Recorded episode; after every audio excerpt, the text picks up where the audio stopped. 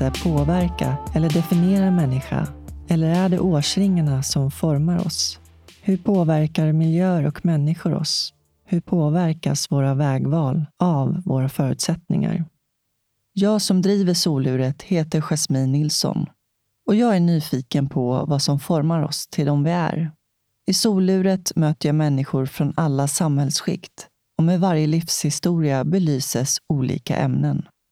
Välkommen till avsnitt 95. Soluret görs i samarbete med det internationella hjälpmedelsföretaget Invacare och rullarnas personliga assistans. Idag får ni möta Lisa Börjegren. Lisa föddes med diagnosen osteogenesis imperfecta som är medfödd benskörhet. Hon växte upp i en familj som präglades av alkoholmissbruk och alla sjukhusbesöken som benskörheten medförde blev en tillflykt. Lisa föreläser om funkofobi för att öka kunskapen och medvetenheten kring fördomar mot personer med funktionsnedsättning och har tidigare sett som programledare på Barnkanalen. Här kommer Lisa.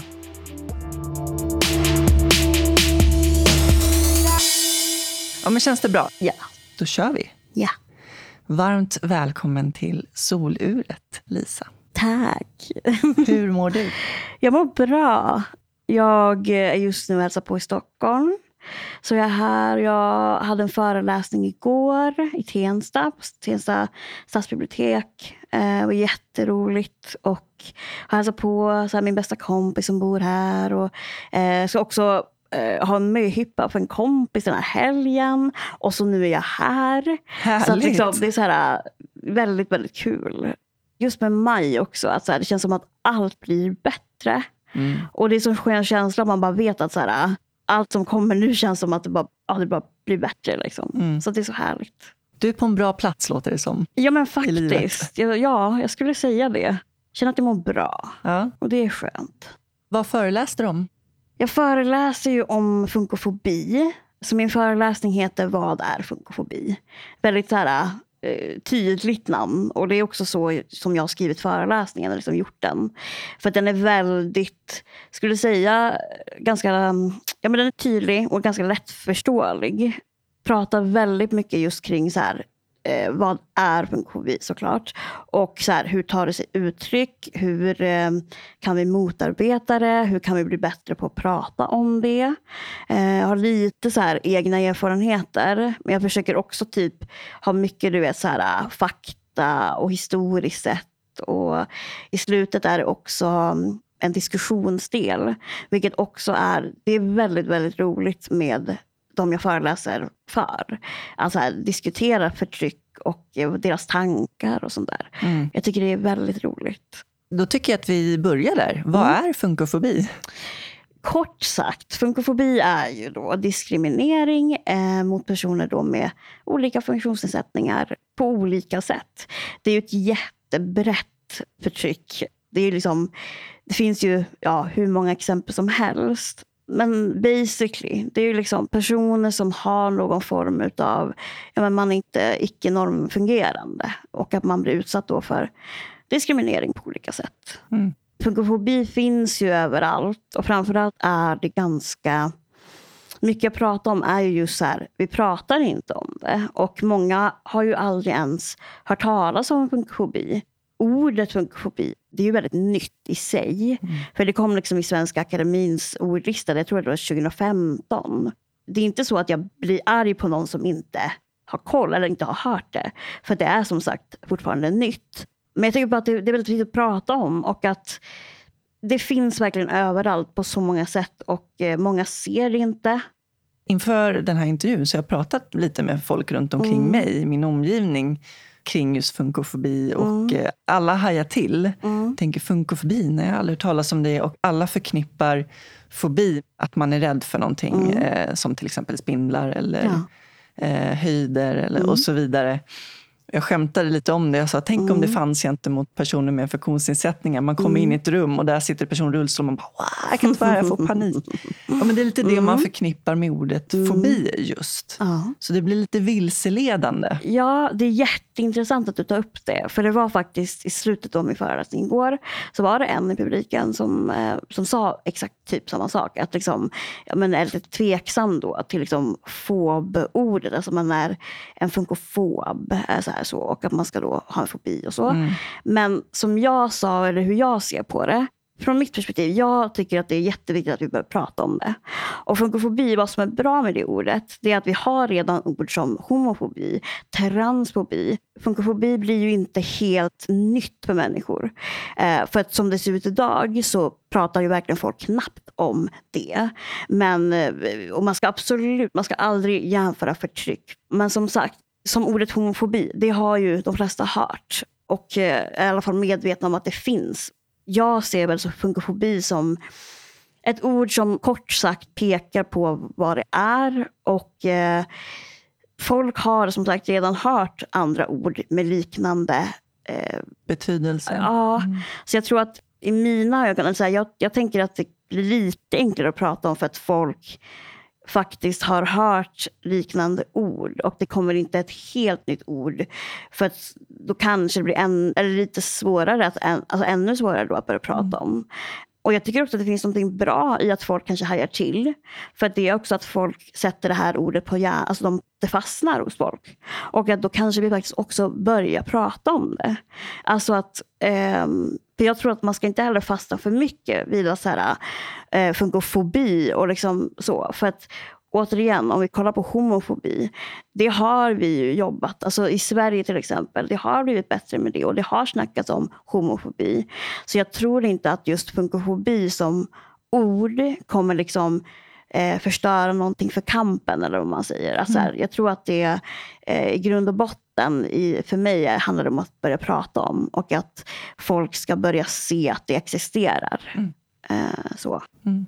Jätteviktigt. Ja. Vad är den vanligaste typen av, jag vet att det är en jättesvår fråga, jag har själv fått den. Men vad är den vanligaste typ av funkofobi som du möter i din vardag?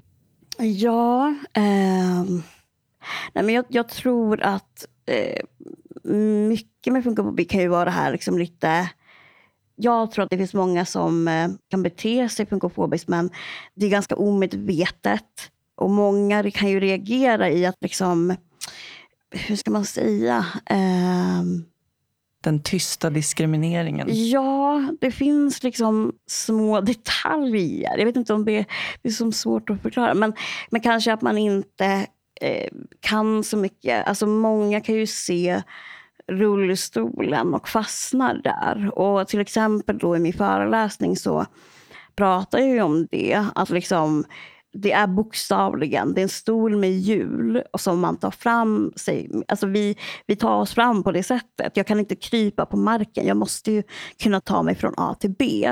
Och att det, jag tycker det är väldigt intressant på något sätt också att, att en stol med hjul, den blir ju verkligen så det finns så mycket, ehm, eh, vad ska man säga, det, en person som sitter då i en rullande stol får så många liksom labels på sig. Eller liksom, hur ska man säga, vilket ord? Men, eh, att man liksom... Eh, Etiketter. Ja, ja, exakt. Och att det blir väldigt lätt att så här, eh, också typ, jag tänker du och jag, så här, vi sitter i rullstol båda två. Men jag kan tänka mig att vi har helt olika liv och vi har helt olika personligheter. Och, alltså, du vet, ja, men vi är ju alla olika individer. Exakt. Och det vi har gemensamt, mm. det är liksom vårt hjälpmedel. Och det, det tycker jag, jag, jag finner ju det lite fascinerande också, att människor kan vara så liksom ja, men en rullstol kan säga så mycket om någon. Eh, det tycker jag är väldigt intressant. och eh, men lite sorgligt också att folk kan vara så, eller fastna så mycket då vid kanske en, en stol. Så. Mm. Um, ja. Jag upplevt det också som att um, det har mycket med ens egna självförtroende och självsäkerhet att göra också. Mm. Hur man bemöter uh, den typen av funkofobi. Jag skadade mig när jag var tonåring. Mm. Så att, uh, jag har ju levt ett liv också utan att använda okay. rullstol. Um, eller ett liv, men ja. en tid innan. Så jag har ju upplevt båda världarna så att Mm. säga. Så till en början var jag ju jätteosäker och jag ville inte att människor skulle kolla på mig. Och Ja. jag förminskade mig själv Mm. gentemot omvärlden. Mm. Men sen eh, när man började lära sig att leva med sin funktionsnedsättning och man hittar nya vägar i livet och så vidare så sakta men säkert bygger man ju upp självförtroendet igen och självkänslan. Mm. Och då märkte jag också att i och med det fick jag ju ett annat bemötande. Ja. Då blir ju inte den andra personen osäker heller. Nej. Ja, men jag fattar vad du menar. Ja, Jag tycker också att det är just det där liksom, som du säger, din upplevelse av det. Att liksom, för dig blev det en, en total förändring. Jag har ju suttit i rullstol. Alltså jag föddes ju med min sjukdom, eh, medfödd benskörhet. Så att jag är ju liksom jag är ju så van, liksom, eller van, men ja, har alltid liksom haft rullstol. Mm. ja det är ju naturligt för dig. Det är ju- Exakt. ja. Eh, och det tycker jag också är så här... äh, Men, men, men eh, ja, men vad, vad speciellt på något sätt då för det att du har fått uppleva lite då båda sidor. ja, precis. Hade du själv några, liksom, jag tänkte när du, Fördomar? ja, Nej, jag hade nog inte det för att eh, det existerade liksom inte i min värld, personer Mm. med funktionsnedsättningar. Ehm, jag, jag försökte minnas tillbaka, så har jag träffat någon i rullstol? Vet, Mm. Nej, så det är lite intressant. Ehm, så det var, en, ja, det var en helt ny värld som öppnades för mig. det förstår jag. Ja, det är väldigt intressant också just det där att, eh, ja, men som du sa, att här, för dig var det verk- verkligen liksom, eh, det var ingenting du hade kanske, du hade funderat på Nej, eller jag hade inga reagerat vänner, ingen i familjen Nej. eller så som hade någon slags funktionsnedsättning. Och det säger ju också liksom hur, jag tänker på det att liksom, eh, det är liksom inte så naturligt att eh, se, det, börjar ju bli lite bättre kan man ju säga, kanske lite i alla fall. Liksom. Eh, men just det här, jag tänker typ funkisrörelsen, den är väldigt liten, den är väldigt intern. Och det pratar jag också om i min föreläsning, liksom just den här att kunna bli mer samhällsfråga, alltså saker som vi berörs av, saker som vi påverkas av. Att, och det handlar ju så mycket också om ett samhällsklimat. Alltså ju mer vi ser olika människor och eh, är med olika människor, det, det gör oss mindre eh, fördomsfulla. För att liksom, ju, om vi håller oss till de här specifika grupperna, det skapar ju fördomar. Och sen skapas funkofobi. Liksom. Så att eh, det är också väldigt eh, spännande liksom, hur man... Spännande, men, Ja. men liksom att eh, bli mer en del. Alltså, ja, på något Ja, sätt. för att, jag menar, det fanns ju inga, inga synliga personer i media med funktionsnedsättning Mm. när jag var liten. Just det. Eh, Så det är också en bidragande orsak att man inte inkluderar på samma Verkligen. sätt i alla rum i samhället. Mm. Och där har vi en viktig uppgift att försöka. Ja, Göra det. verkligen. Jag tycker också bara så här, du vet, alltså typ med filmer och sånt. Att så här, det hade varit så uppfriskande att typ se en karaktär som sitter i rullstol och den story rör inte rullstolen ens en gång. Alltså, det, hade varit så, eller det hade varit så kul att bara så här, något helt nytt. Bara så här, den här karaktären sitter i rullstol. Inte heller att man bara så här, låtsas som ingenting. Utan bara den story är inte jag sitter i rullstol och det är synd om mig eller jag sitter i rullstol och jag klarar allt. För det känns som det är ofta det där också. Antingen eller. Antingen är det liksom jätte, jättehemskt eller så är det man är en otrolig person och ska göra allt. Typ. Ja, precis. Eh, Så det hade varit härligt med typ en vanlig person som sitter i rullstol. Alltså så här, Jag vet inte om du har tänkt på det, men just i eh, brittiska serier mm. så har de ju blivit jätteduktiga på att inkludera människor med Aha. olika funktionsnedsättningar utan att det är en grej. Vad utan att de bara nice. har det och sen Ah. är det inget mer med det.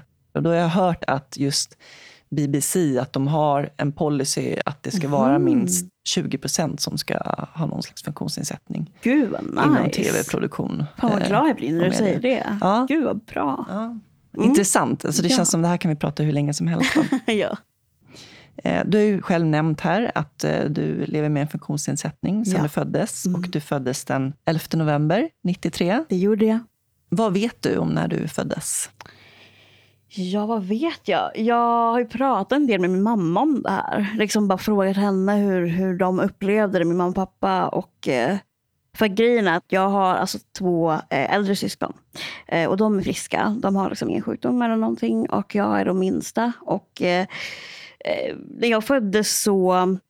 det var ju liksom lite grann som det här du sa med, med liksom för dig, där det var så här, den här världen, eller man ska säga, att det var liksom helt nytt. Och för mina föräldrar var det ju också så att så här, eh, man, när jag föddes då så gnydde jag. Liksom, så att jag skrek inte som, som man ska. Eh, och läkarna tog mig direkt och skulle kolla tester och grejer. Och det började ju liksom direkt då att så här, de skulle ja, kolla vad det var för någonting och, och så. Och eh, nej men just det där då att eh, det var ju verkligen då en, ja, en helt ny värld för min mamma och pappa. Mm. Att eh, de visste ingenting om den här sjukdomen.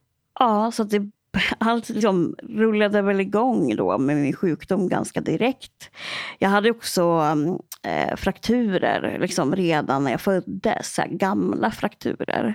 Så att jag, hade, jag tror att jag hade någon gammal fraktur på eh, handleden och sen någon gammal på benet och så tror jag det var en ny. Så att jag hade kanske tre frakturer eller så. Mm. Uh, så att jag vet liksom inte varför det var så för mig. För att den här sjukdomen finns liksom inte i min familj, alltså så, eller släkt. Liksom så. Den är ärftlig. Men jag är den första liksom, i, vår, i vår familj och släkt som har den här sjukdomen. Och uh, jag har liksom inte fått någon, något tydligt svar någon gång på att här, det var det här som gjorde det.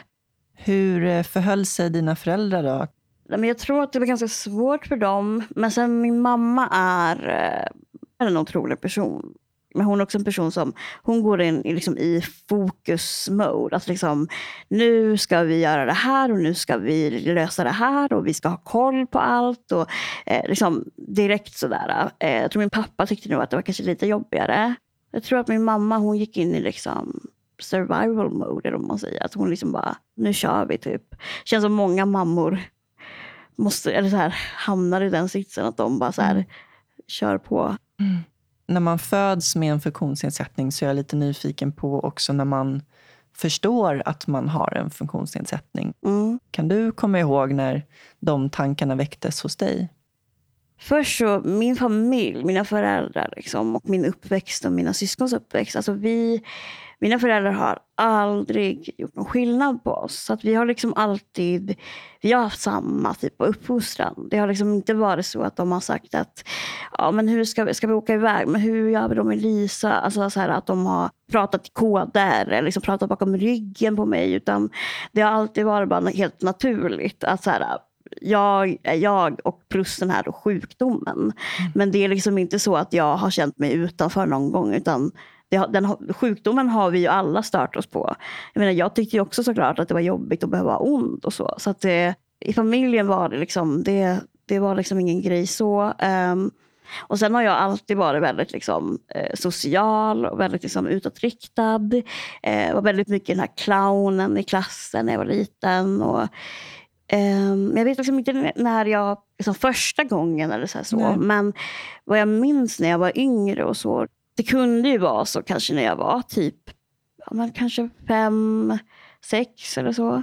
Det kunde ju vara så att kompisar eller andra kids, liksom, att de eh, var så här, är din högsta önskan att kunna gå? Och, eh, och så här, kommer du kunna gå när du är stor? De frågorna. Och eh, jag tyckte, vad jag kommer ihåg, liksom, jag tyckte inte att det var jobbigt Eh, direkt. För jag var liksom ändå så här eh, jag hade massa kompisar och jag var väldigt så social. Så att jag, det var inte så att de frågade mig det och, och jag satt ensam. Liksom. Så att jag tror att jag var så här, eh, jag vet inte om jag kommer kunna gå, Vi jag väl. Typ. Och var så här, jag tror också att jag jag, så här, jag bestämde mig för att bara säga, när någon var så här, är det din högsta önskan? Att jag var så här, ja. Alltså jag orkade, alltså att jag orkade var ta diskussionen. Ja, men för det var inte. Jag har alltid haft väldigt mycket drömmar liksom, genom mm. livet. Så här, redan när jag var liten, att saker jag vill göra, hitta på och allt sånt där. Eh, och när någon då, något annat barn var så här, är det din högsta dröm? Då var det som att jag så här, när jag säger bara ja, för att orka, alltså så här, ja. Så att jag tror att jag var så här, ja, det är väl det typ. eh, men, det, men jag har liksom inget moment eller så här, där jag kände att nu är jag den annorlunda. Mm. För att jag, jag tror att det är en del av min personlighet också, att jag gillar att ta plats och så, redan när jag var liten. Ja. Liksom. Och det är som du säger, dina föräldrar var ju också så inkluderande på ett naturligt sätt. Mm. Så då blir det ju bara en självklarhet. Aha. Man är där man är. Verkligen. Och inget annat. Ehm, så, tack vare din personlighet så har du ändå kunnat ta den platsen och inte behövt förminska dig själv Mm. heller på grund av andras eh, förutfattade meningar. Mm. Men eh, det är synd också på ett sätt att man ska behöva det. Att Ja. man ska behöva ta den där extra platsen för att man ska vara inkluderad. Ja, verkligen. Jag tror också att jag... Alltså redan när jag var liten, jag, jag har alltid gillat, som jag sa innan, så här, clownen i klassen och gillat att skämta och skoja och sånt där. Men det är också det här som du säger, när man, man är annorlunda. Jag tror att redan när jag var liten så började jag använda humor. Liksom, och lärde mig det liksom, redan när jag var liten. Så det har ju också varit min grej. Liksom. Att avdramatisera också. Ja, och att så här kunna skämta om mig själv. Men det är som du säger, det här att någonstans så, när man är annorlunda så hittar man väl, så här, hur ska jag hantera, så här, hur, jag är annorlunda. Och så, Jag tror att humor för mig var väldigt mycket så, att, så här, att verkligen avdramatisera och eh, kunna vara den roliga tjejen istället för handikappade tjejen. Liksom. Jag tycker också att humor är jätteviktigt. Och det tror jag många gånger räddar en i svåra situationer. Ja, Skämta om eländet och eh, avdramatisera så blir allting så mycket lättare. ja. Hur var din uppväxt? Nu har du berättat om att du var clownen i klassen Mm. och bra självförtroende. Ja, jag skulle säga det att, att jag alltid har bra självförtroende. Men sen när det kommer till självkänsla, den har jag jobbat mycket mer med. Liksom, framförallt de senaste åren. Men självförtroende, det hade jag liksom redan när jag var liten. Eh, men min uppväxt, ja. ja men jag, jag kommer ju från Örnsköldsvik. Och det är ju verkligen en hockeystad. Och eh, hockey var verkligen en stor del av min uppväxt. Tyvärr inte lika mycket längre. Liksom. Tappade intresset när jag var typ 17-18 och började åka på festivaler och konserter. Men hockey var verkligen så här. Det var också verkligen en familjegrej. Liksom min familj var så här, hockeyfamilj. Att det var mm, så här, man hade alltid årskort på hockey. Alltså så här, när man ska gå på matcher. Att liksom, det var en del av budgeten. Alltså så här, alla måste ju ha ett årskort på hockeyn. Liksom. Och framförallt i Övik så var det ju så här, man träffade kompisar på hockey. Det var, liksom, det var både hockey, matchen men också hängställe. Liksom. Eh, så hockey var verkligen det var, det var en stor del. Liksom. Jag läste lite på din blogg Mm. och där framgick det att eh, det inte var lätt alla gånger med tanke på dina föräldrar och att det var missbruk inblandat. Och att du kände en trygghet när du kom till sjukhuset för du kom bort från allt elände hemma. Exakt. Vad bra att du kommer ihåg det blogginlägget kände jag nu. Alltså, annars hade jag glömt det. Nej men ehm, så var det verkligen.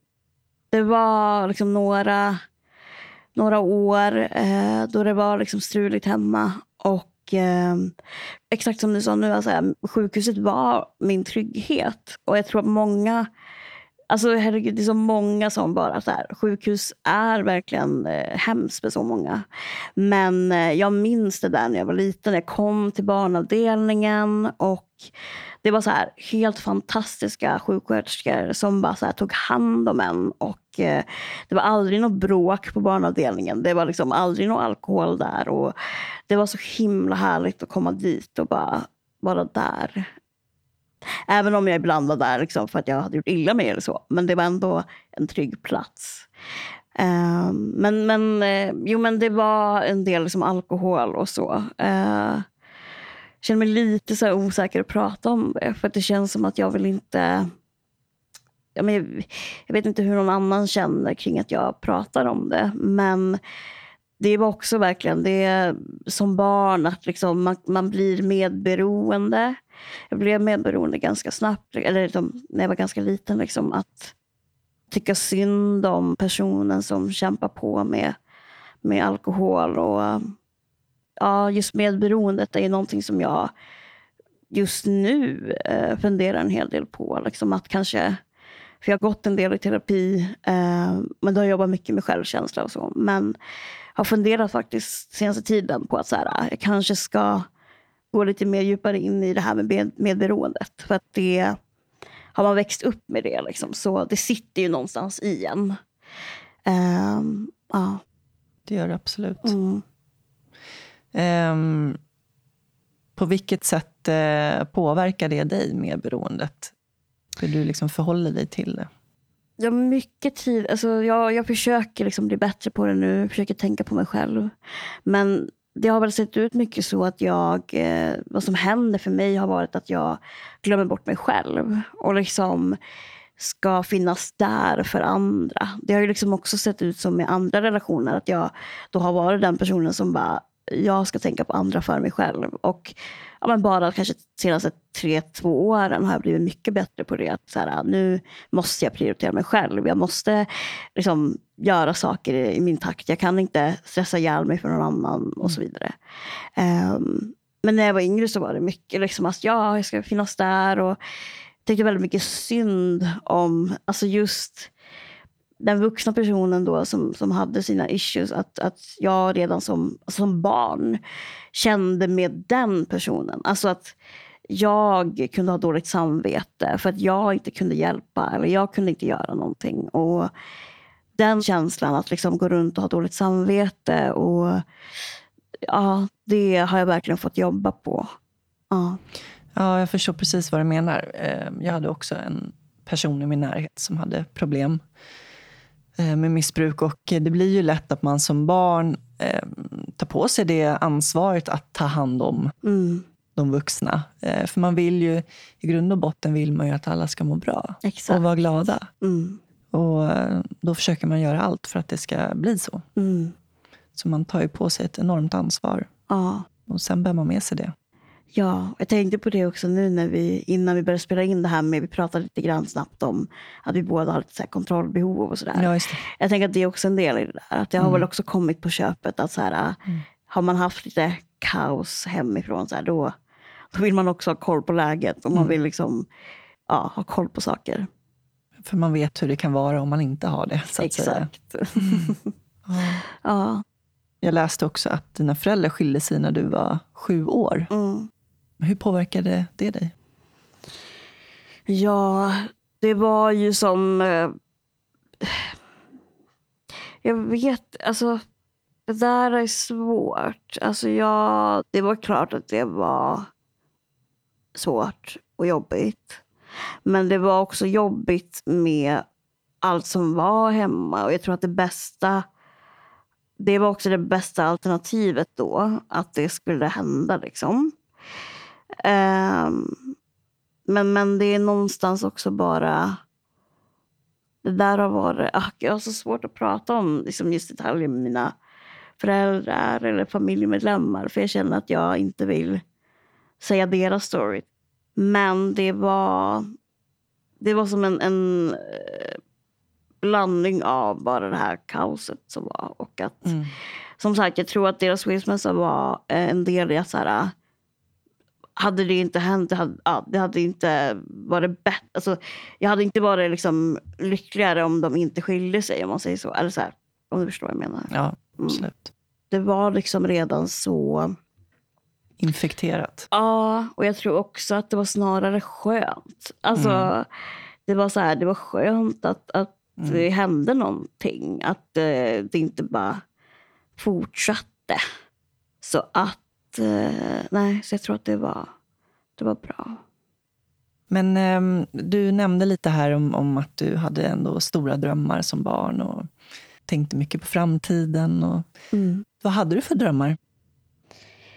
Ja, det känns som att jag har typ velat bli allt. Alltså att jag, allt möjligt. För mig känns det känns som att jag alltid har varit en drömmare. Att jag liksom alltid har tänkt på saker jag vill hitta på och göra. Um, skådespelare, eh, sångerska, musiker. Eh, det kunde till och med så här, frisör kunde det vara. Men liksom allt möjligt. Och så är jag än idag. Jag har liksom listor med så här, de här grejerna vill jag göra och ska jag göra innan jag är 30 eller vad det nu är. Och eh, jag tycker att det är en, en bra del av vem jag är. Att liksom jag, jag håller i det. Att så här, för jag gillar att drömma och jag gillar att sikta, eller liksom, vad ska man säga, men att ha stora drömmar. Jag tycker att det är så underskattat. Och typ om jag frågar någon så här, men vad, vad är ditt drömjobb? Då kan jag bli lite ledsen om någon är så här, ja, men, kanske tänker ganska litet. Och då kan jag vara så här, men, men du får välja vad du vill. Och för mig är det så här, det är så naturligt för mig att jag bara så här, jag kan drömma om allt. Liksom. Och eh, jag tror att det, det, är en stor del i liksom, vem jag är. Mm. Så. Vad gick du för gymnasiet? Jag gick eh, estetmusik. Mm. Så att jag hade sång som mitt första instrument. Ja, men när jag var liten så var jag också så här, stod alltid på scen och sjöng på avslutningar och sånt där. Det är också någonting som jag, för men nu var det typ, ja men det var typ tio, ja, tio år sedan jag tog studenten nu. Och jag saknar det lite grann, så här, stå på scen och så. För det var också verkligen så, så kul. Eh, föreläsningen gör att jag får lite samma känsla ändå. Mm. Så att det, det är liksom ingen slump att jag har gått åt det hållet. Och så här, Mm. Ändå stå framför folk och göra någonting. Nu tar vi en kort paus och ringer upp min samarbetspartner Invacare. Invacare Johan. Tjenare Johan, det är Jasmin från Soluret här. Tjenare. Hur är läget? Det är bara bra tack. Hur är det själv? Det är bra, det är så härligt väder nu så man njuter verkligen. Absolut, det är helt gudomligt. Försommaren är ju en av de bästa tiderna när allting blomstrar och det blir varmt och skönt. Ja, precis. Berätta vad du gör för någonting på Invacare. Jag jobbar numera som produktchef för sängar och lyftar. Och innan det så har jag jobbat som säljare och Key Account Manager i 16 år på Invacare. Det är lång tid. Det är lång tid, absolut. Men har man ett jobb som man trivs med så um, det är roligt och det är väldigt utvecklande jobbet. Vad är det för sängar och vad är det för lyftar? Det som vi har det är ju då hemsjukvårdssängar. Typ sängar som står på äldreboende eller som du får hem av exempelvis Hjälpmedelscentralen om det är så att man kanske har gjort sig illa eller lite sådär. Så det är alltså reglerbara sängar. Och sen lyftar så finns det ju både såna här mobila golvlyftar och även taklyftar och uppresningslyftar. Det är ständig utveckling på bägge produktområdena egentligen. Sängar har ju exploderat rätt mycket här mot slutet. Jag vet att eh, sängarna har alla möjliga typer av funktioner. Man behöver lite extra hjälp. Absolut. Det går exempelvis att tilta sängen och man kan ha numera en digital elektronik i sängarna som gör att man kan programmera sängen precis efter hur du själv upplever och hur du vill ha sängen i ett visst läge och i och urstigning och även att sitta och titta på tv i sängen exempelvis och så. Tack för samtalet så får du ha en fortsatt härlig sommar. Tack själv och ha det så jättebra. Tack så mycket. Hej då! Hej då! Men efter gymnasiet, så du blev upptäckt på Youtube av Exakt. eh, SVT. Ja, det här var verkligen... Jag eh, hade lagt upp några klipp på Youtube. Eh, ett av klippen då som heter Tips på hur en bemöter personer i rullstol. Den fick några tusen visningar, men liksom inte heller så att det är några tusen sådär. Och jag pratar där om funkofobi. Inte specifikt att jag nämner funkofobi, men jag berättar om en föreläsning som heter Tips på hur man bemöter personer i rullstol. Och då eh, försöker jag då visa på hur sjukt det är att det finns sådana föreläsningar. Att man ska Ja. ge tips på hur man ska hantera Ungefär oss. som att typ. det är någon skillnad. Ja, och att så här, ja, verkligen. Men eh, då la jag upp den och eh, jag hade faktiskt innan det så var jag med i ehm, eh, Bianca Kronlöf och Tiffany Kronlöf. De kontaktade mig och jag var med i en scen i deras tv-show, deras Mm. serie Full patte. Så jag var med där i, innan det här med då SVT som kontaktade mig. Då var jag med där. De hade sett mig tror jag på Youtube och eh, jag åkte ner till Stockholm och spelade in en scen med Bianca och det var svinkul. Verkligen så kul. Eh, och sen då, så ett tag senare så eh, hörde de av sig i SVT och var så här vill du komma på casting för eh, Barnkanalen på morgonshowen som programmet hette? Och jag var så här, ja, det kan, ja absolut. Liksom. Och det var, verkligen, jag, det var verkligen så surrealistiskt i att så här, jag har inte gått någon utbildning, journalistikutbildning. Jag, har inte, jag, har inte ens, jag hade inte varit i en tv-studio. Jag vet ingenting om att göra tv.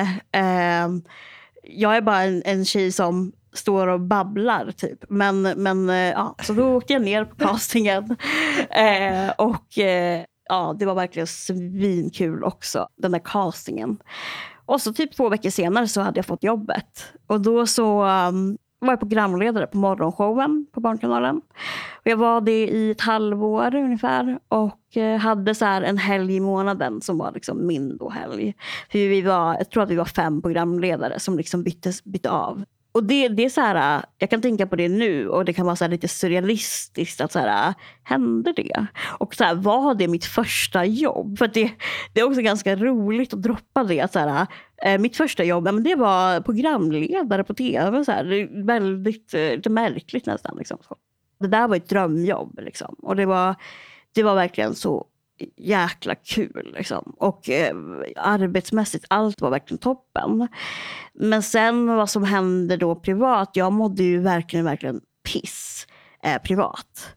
Så att eh, när jag inte jobbade, det var ju liksom de veckor jag var hemma så var jag mest i min lägenhet och liksom hade typ inget liv. Alltså jag, jag var verkligen nere på botten under den här perioden.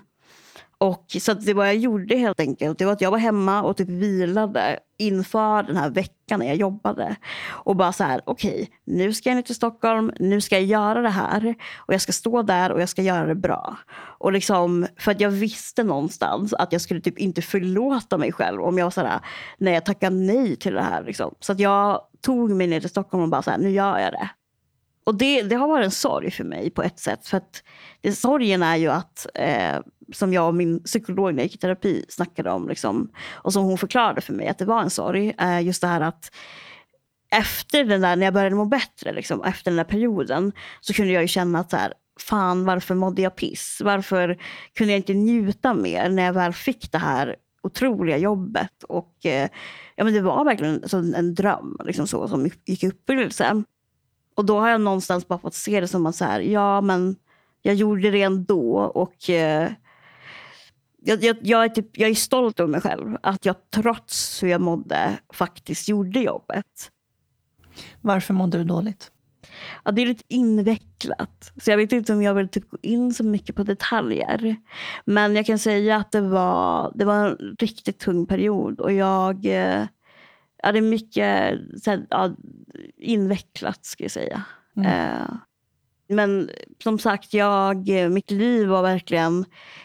Jag tror att de som såg mig, så här bekanta eller folk som känner mig som såg att jag hade fått det här jobbet. Jag tror att de tänkte så här, wow, hon måste leva alltså, ett toppenliv. Liksom. Och gud vad kul. Och så här. Men sanningen var ju, alltså, och det var kul verkligen, men sanningen var ju att så här, men eh, det där drömjobbet gjorde ju, alltså psykiskt så mådde jag ju fortfarande dåligt. Liksom. Um, men det lärde mig också ganska mycket. Så, uh, I att jag förstod också att så här, jag måste jobba med min psykiska ohälsa. Jag måste gå i terapi. Jag måste ta hand om mig själv. Mm. Men uh, det blev väl lite som en flykt också kan jag tänka mig. Ja, och just den där perioden så var ju det liksom, det var ju det jag gjorde. Alltså att jag satte det som mitt fokus. Att så här, nu har jag det här och jag ska göra mitt jobb. Det är det som också gör att det här jobbet känns lite surrealistiskt nu några år senare. När jag liksom också mår bra och har tagit mig ur det där. Att hände det? För att, för att min hjärna var liksom så snurrig i det där. Att jag hemma privat mådde dåligt. Sen skulle ta mig till Stockholm stå framför en tv-kamera och snacka med barn och vara så här, mm. hej hej, hoho, och vara så här rolig och glad. Mm. Eh, så det var verkligen, men jobbet i sig var ju verkligen, det var så roligt och mm. eh, lärorikt på massa sätt. Så. Mm. Hur funkade det rent praktiskt med tillgänglighet och så vidare? Ja, det första jag tänker på, kommer ihåg, det är ju då att det var en hissdörr som jävlades med mig eh, till och från. Den var så tung. Och jag minns att jag liksom åkte upp och ner där med kafeterian sen när det var lunch och skulle få upp den där dörren. För dörröppnaren funkade inte. Så jag stod liksom där och bara fick slita i den. Eh, ja, och så det kan man ju tycka är lite så märkligt att den inte funkade. Ja. Så det var inte nice. Eh, men annars så var det väl ändå liksom, det var ju bra. De var ju verkligen eh, att de checkade med mig att saker funkade för mig och mm. att det gick bra och att eh, om jag behövde hjälp, alltså så. Så att eh, det var bra. Men mm. hissdörren var inte Den bra. jäveln. det är alltid någon hissdörr. Jag var bara här när vi skulle ja. ta oss från hissen till en dörr och höll på att få den Ah, i ansiktet. Ja. Hur ser ditt eh, liv ut idag? Ja, jag föreläser om funkofobi. Sen jobbar jag också på en kvinnojour. Så att jag jobbar på Umeås kvinnojour, där jobbar jag. Så jag bor i Övik. Jobbar där och sen föreläser jag. Och eh, jag föreläste för ganska många år sedan efter gymnasiet också. Men den här föreläsningen som jag har nu då, Vad är funkofobi? Den började jag med under pandemin. Så att jag har ju då föreläst digitalt. Liksom. Så att igår var min första då eh, fysiska på plats. Och det var så jäkla kul. Att bara Helt här, annan känsla. Ja, att inte stå framför en dator och Ja. bara snacka med en dator. Ja, det är jättekonstigt. Ja, det var så, nej men det var så kul. Och, eh, så att jag hoppas att jag får liksom åka runt och föreläsa ännu mer. Mm. Ehm, och sen kvinnojouren, just det jobbet är ju så här, det är också väldigt givande. Man känner ju, man vet att här, det jag gör, det betyder någonting. Det är liksom inte bara skitgör, eller så här, utan kvinnojouren, det är så ofta det här på liv eller död. Alltså på liv och död. Att, att det är verkligen ett viktigt jobb. Och eh, jag har märkt det med mig själv att jag tror att jag, jag drar åt det hållet att jag vill jobba med saker som betyder någonting, som påverkar, som är givande. Eh, ja, och jag tror både föreläsningen, det är någonting jag brinner för och eh, kvinnojouren. Liksom det, det är två saker som är väldigt viktiga för mig. Varför då? Men kvinnojouren är ju så här, jag, jag har ju varit liksom feminist sedan jag var jag vet, 2013 typ kanske. Och eh, ja, men det, varför? Det känns som så här, för mig är det en självklarhet. Jag tycker att det till och med nu när du ställer frågan jag bara, varför, eller varför skulle jag inte jobba på kvinnojouren? Alltså, det är verkligen så naturligt för mig och jag, ja, det är bara, det är så givande och eh, det finns också ett Just med föreläsningen, det kan ju bli ett ganska ensamt jobb i att man Ja, man, man åker själv, man gör sin grej och man har liksom inte riktigt några kollegor.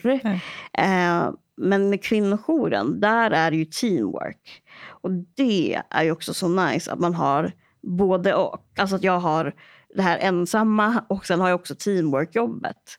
Eh, så det tycker jag också är väldigt nice. Att, så här, ja, att jag får ha både och där. Mm.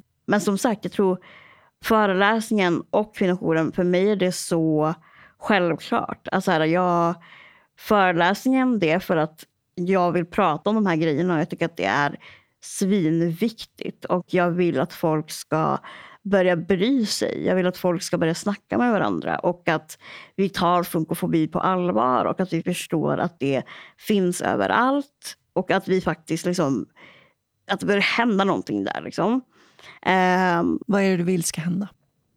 Jag tror att jag vill att det ska bli bara mer en, en lite mer allmän fråga. Alltså, för att som jag tror jag nämnde tidigare, just det här med tillgänglighet. Och, alltså det påverkar alla människor för att det handlar om eh, samhällsmiljön, eller liksom miljön vi, vi lever i och, och hur vi ser på människor. Vilka är med? Vilka är inte med? Mm. Alltså för oss då som sitter i rullstol, det blir det här att det blir inte lika lätt att socialisera sig med, i lokaler då som man inte kan ta sig in i.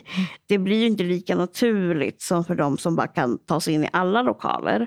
Eh, och jag vill att folk ska förstå att du behöver inte heller ha en funktionsnedsättning för att bry dig om det här utan att förstå the bigger picture. Att alla påverkas av det och eh, samhället skulle må mycket bättre om vi var mer inkluderande. Absolut. Mm.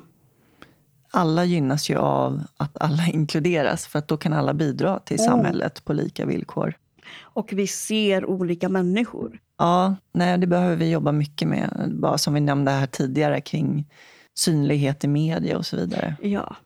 Bara senast igår så jag har ju, använder ju Street View. Mm. Så fort jag ska till ett nytt ställe, då går jag in på Street View och kollar, okej, finns det trappsteg upp dit jag ska Ja, in? Eller klassiska. ja, ja, vad är närmaste parkeringsplatsen? Och Mm. Funkar det att komma in? Och, ja, men du vet. Ja, Vi måste ju tänka så hela tiden. verkligen. Alltså ja, det där är... Det pratade också om i föreläsningen, just det där att liksom... Åh gud, så här, ibland, alltså man, man får tänka på så många grejer. Att liksom, och ska man åka någonstans, det är som du säger, alltså, man måste alltid dubbelkolla. För man vill absolut inte komma dit och bara, jaha, det var tre trappor också. Där dog det. Ja, då blir man ju bara deprimerad. Ja. Typ. Så att man är ju så här, man hellre förbereder sig och Ja, bara, ja. okej jag vet att jag kommer in. Och så orkar man ju inte heller ha diskussioner om det är någon som är så här, vi kan hjälpa på det här sättet. Mm. Att och det man blir bara, projekt. ja, man bara, men jag kommer inte upp för trappen. Alltså, ja, Nej, man är ju verkligen projektkoordinator över sin vardag. hundra procent. Tänk hur mycket tankekraft som liksom går till det. Ja. Ah, Och vad grymma vi är som orkar. Alltså verkligen, vi är fantastiska. det tycker jag, på riktigt. Ja, men det är det jag brukar säga. För jag menar, många arbetsgivare blir ju eh, väldigt osäkra Mm. när personer med funktionsnedsättningar söker jobb för att de ser problemen istället för att se lösningarna. Mm. Men just de här egenskaperna som vi har blivit tvungna att utveckla, Mm. det är ju otroliga förmågor. Eh, Så som Ja. stresshantering och problemlösningar. För det är ju Mm. något som vi lever med varje dag Ja, alltså, för att få Gud. livet att funka. ja, alltså, och vi har så mycket. Det är som att vi har någon extra energi. Eller liksom, gud, det är verkligen, eh, när man faktiskt tänker på det så är det så här, ah, okej, alltså som assistans och det är så mycket extra grejer. Mm. Försäkringskassan, det är att skicka in ansökningar. Alltså det är så mycket, så mycket. Mm. Ja, det är, Ah. ja, vi är glada i alla fall. Vi har det härligt ändå. Ja. Och sen har vi aspekten också kvinna med funktionsnedsättning. Ja, precis. Det är ju den också. ja. Ja, det är lite. Vad innebär det för dig att vara människa? Jag klurade lite grann på den här frågan. Och eh, jag tror, nu har vi pratat lite om det här med liksom när jag mådde dåligt, eh, när jag fick drömjobbet och det. Men att någonstans har jag kommit fram till att, så här, att hitta en trygghet i sig själv och att få må bra. Eh, inte kanske alltid vara lycklig eller liksom eh, allt ska vara otroligt fantastiskt alltså hela tiden så. Utan att hitta någon slags trygghet i sig själv. Mm. Och jag tror just det där, för som vi pratat om tidigare med det här med drömmar och att jag alltid har velat gjort allt möjligt och sådär. Ehm, jag tror att innan det här med Barnkanalen och, och drömjobbet så tänkte jag nog att karriärsmässigt, att liksom får jag drömjobbet, då kommer jag vara den lyckligaste personen. Liksom. Jag kommer må så bra. Eh, och sen fick jag drömjobbet och insåg att så här, ja, det är eh, jätte, jättekul, jobbet. Men mitt mående och min psykiska ohälsa och eh, trygghet, det här liksom, min själv, alltså allt det där, att så här, det försvinner ju inte. Utan det är en helt annan grej. Och man kan få sitt drömjobb men ändå må skit. Så det, det lärde ju mig någonting. Och jag tror att, så att efter den erfarenheten så var det som att jag också insåg att så här, jag kanske inte alltid ska bara reach för liksom, de här karriärsmålen. Absolut att jag vill lyckas med grejer och göra saker karriärsmässigt fortfarande.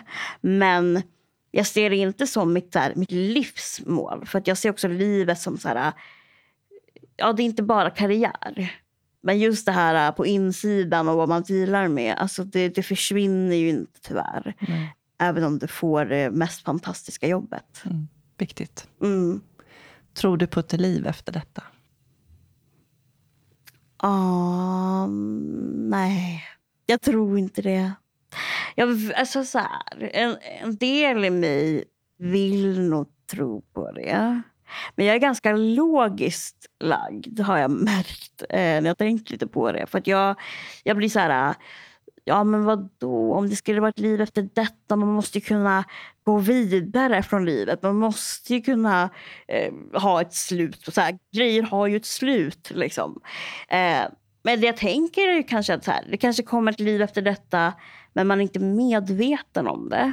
För att ibland så kan jag få sådana här déjà vu vibes eller känslor. Eh, och så bara så vet jag ju att det här kan inte ha hänt. Men det känns verkligen som det har, alltså så, det har hänt. Och då kan jag känna så här, det kan ju vara något med det. Att så här, man kanske har ett liv efter detta men man är bara inte medveten om att det är livet liksom, efter ett liv. Eh, så.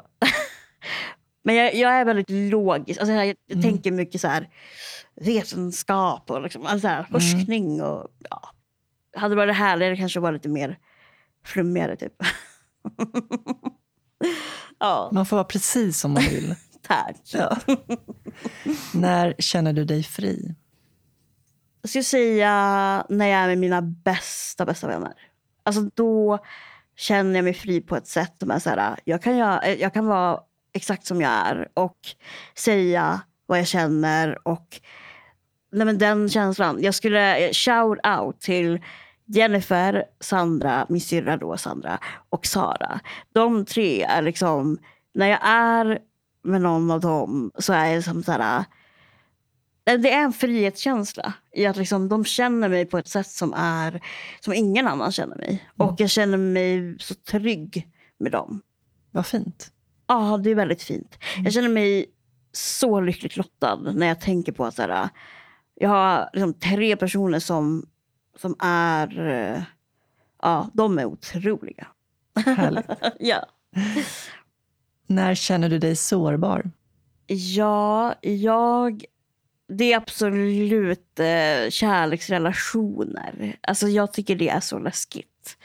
Eh, jag har blivit bättre på det. Eh, men liksom att visa någon att man har känslor för den. Att gå in i nytt förhållande eller dating eller så här. Den, eh, alltså den bara situationen. Jag blir verkligen så himla sårbar och eh, väldigt blyg. Och det är också intressant. Jag, så här, jag har inga problem att ställa mig framför en tv-kamera. Jag har inga problem att stå framför en massa publik. Jag, jag njuter av det och tycker det är jättekul. Liksom. Jag kan vara lite nervös, men det är kul. Och du har kontroll? Ja, exakt. Så är det också faktiskt.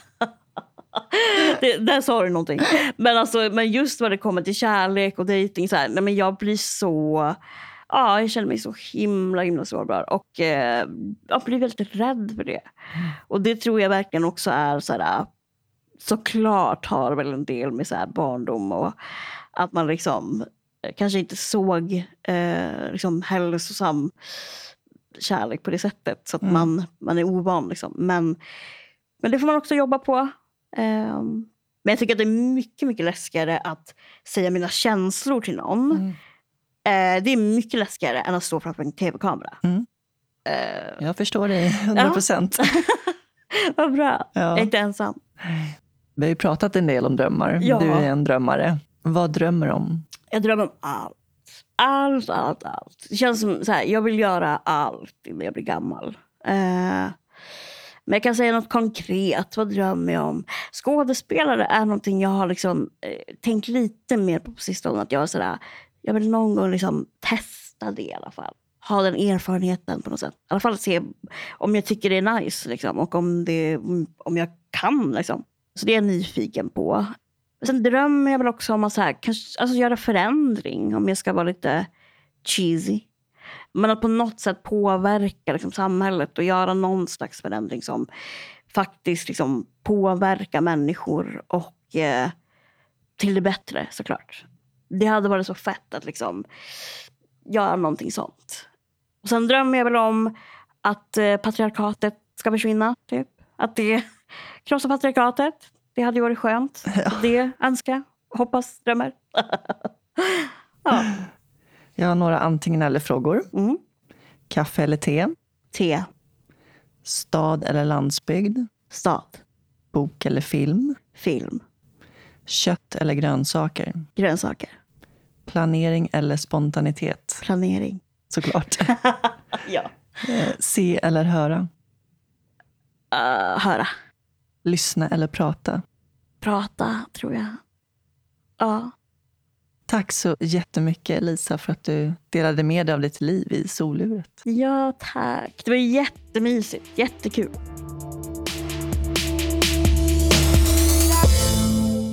För mer information om Lisa och hennes föreläsningar kan ni gå in på atenas.se.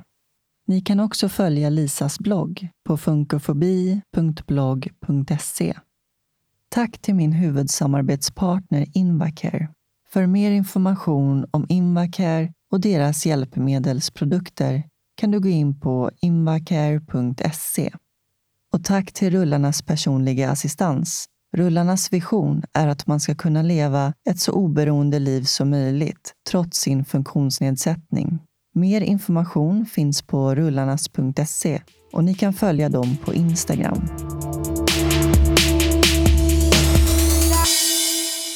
I nästa avsnitt får ni möta Brandon Sekito. Brandon föddes i Uganda och flyttade till Sverige när han var nio år gammal. Han växte upp i Järvaområdet i Stockholm och blev i tidig ålder utsatt för rasismens brutalitet.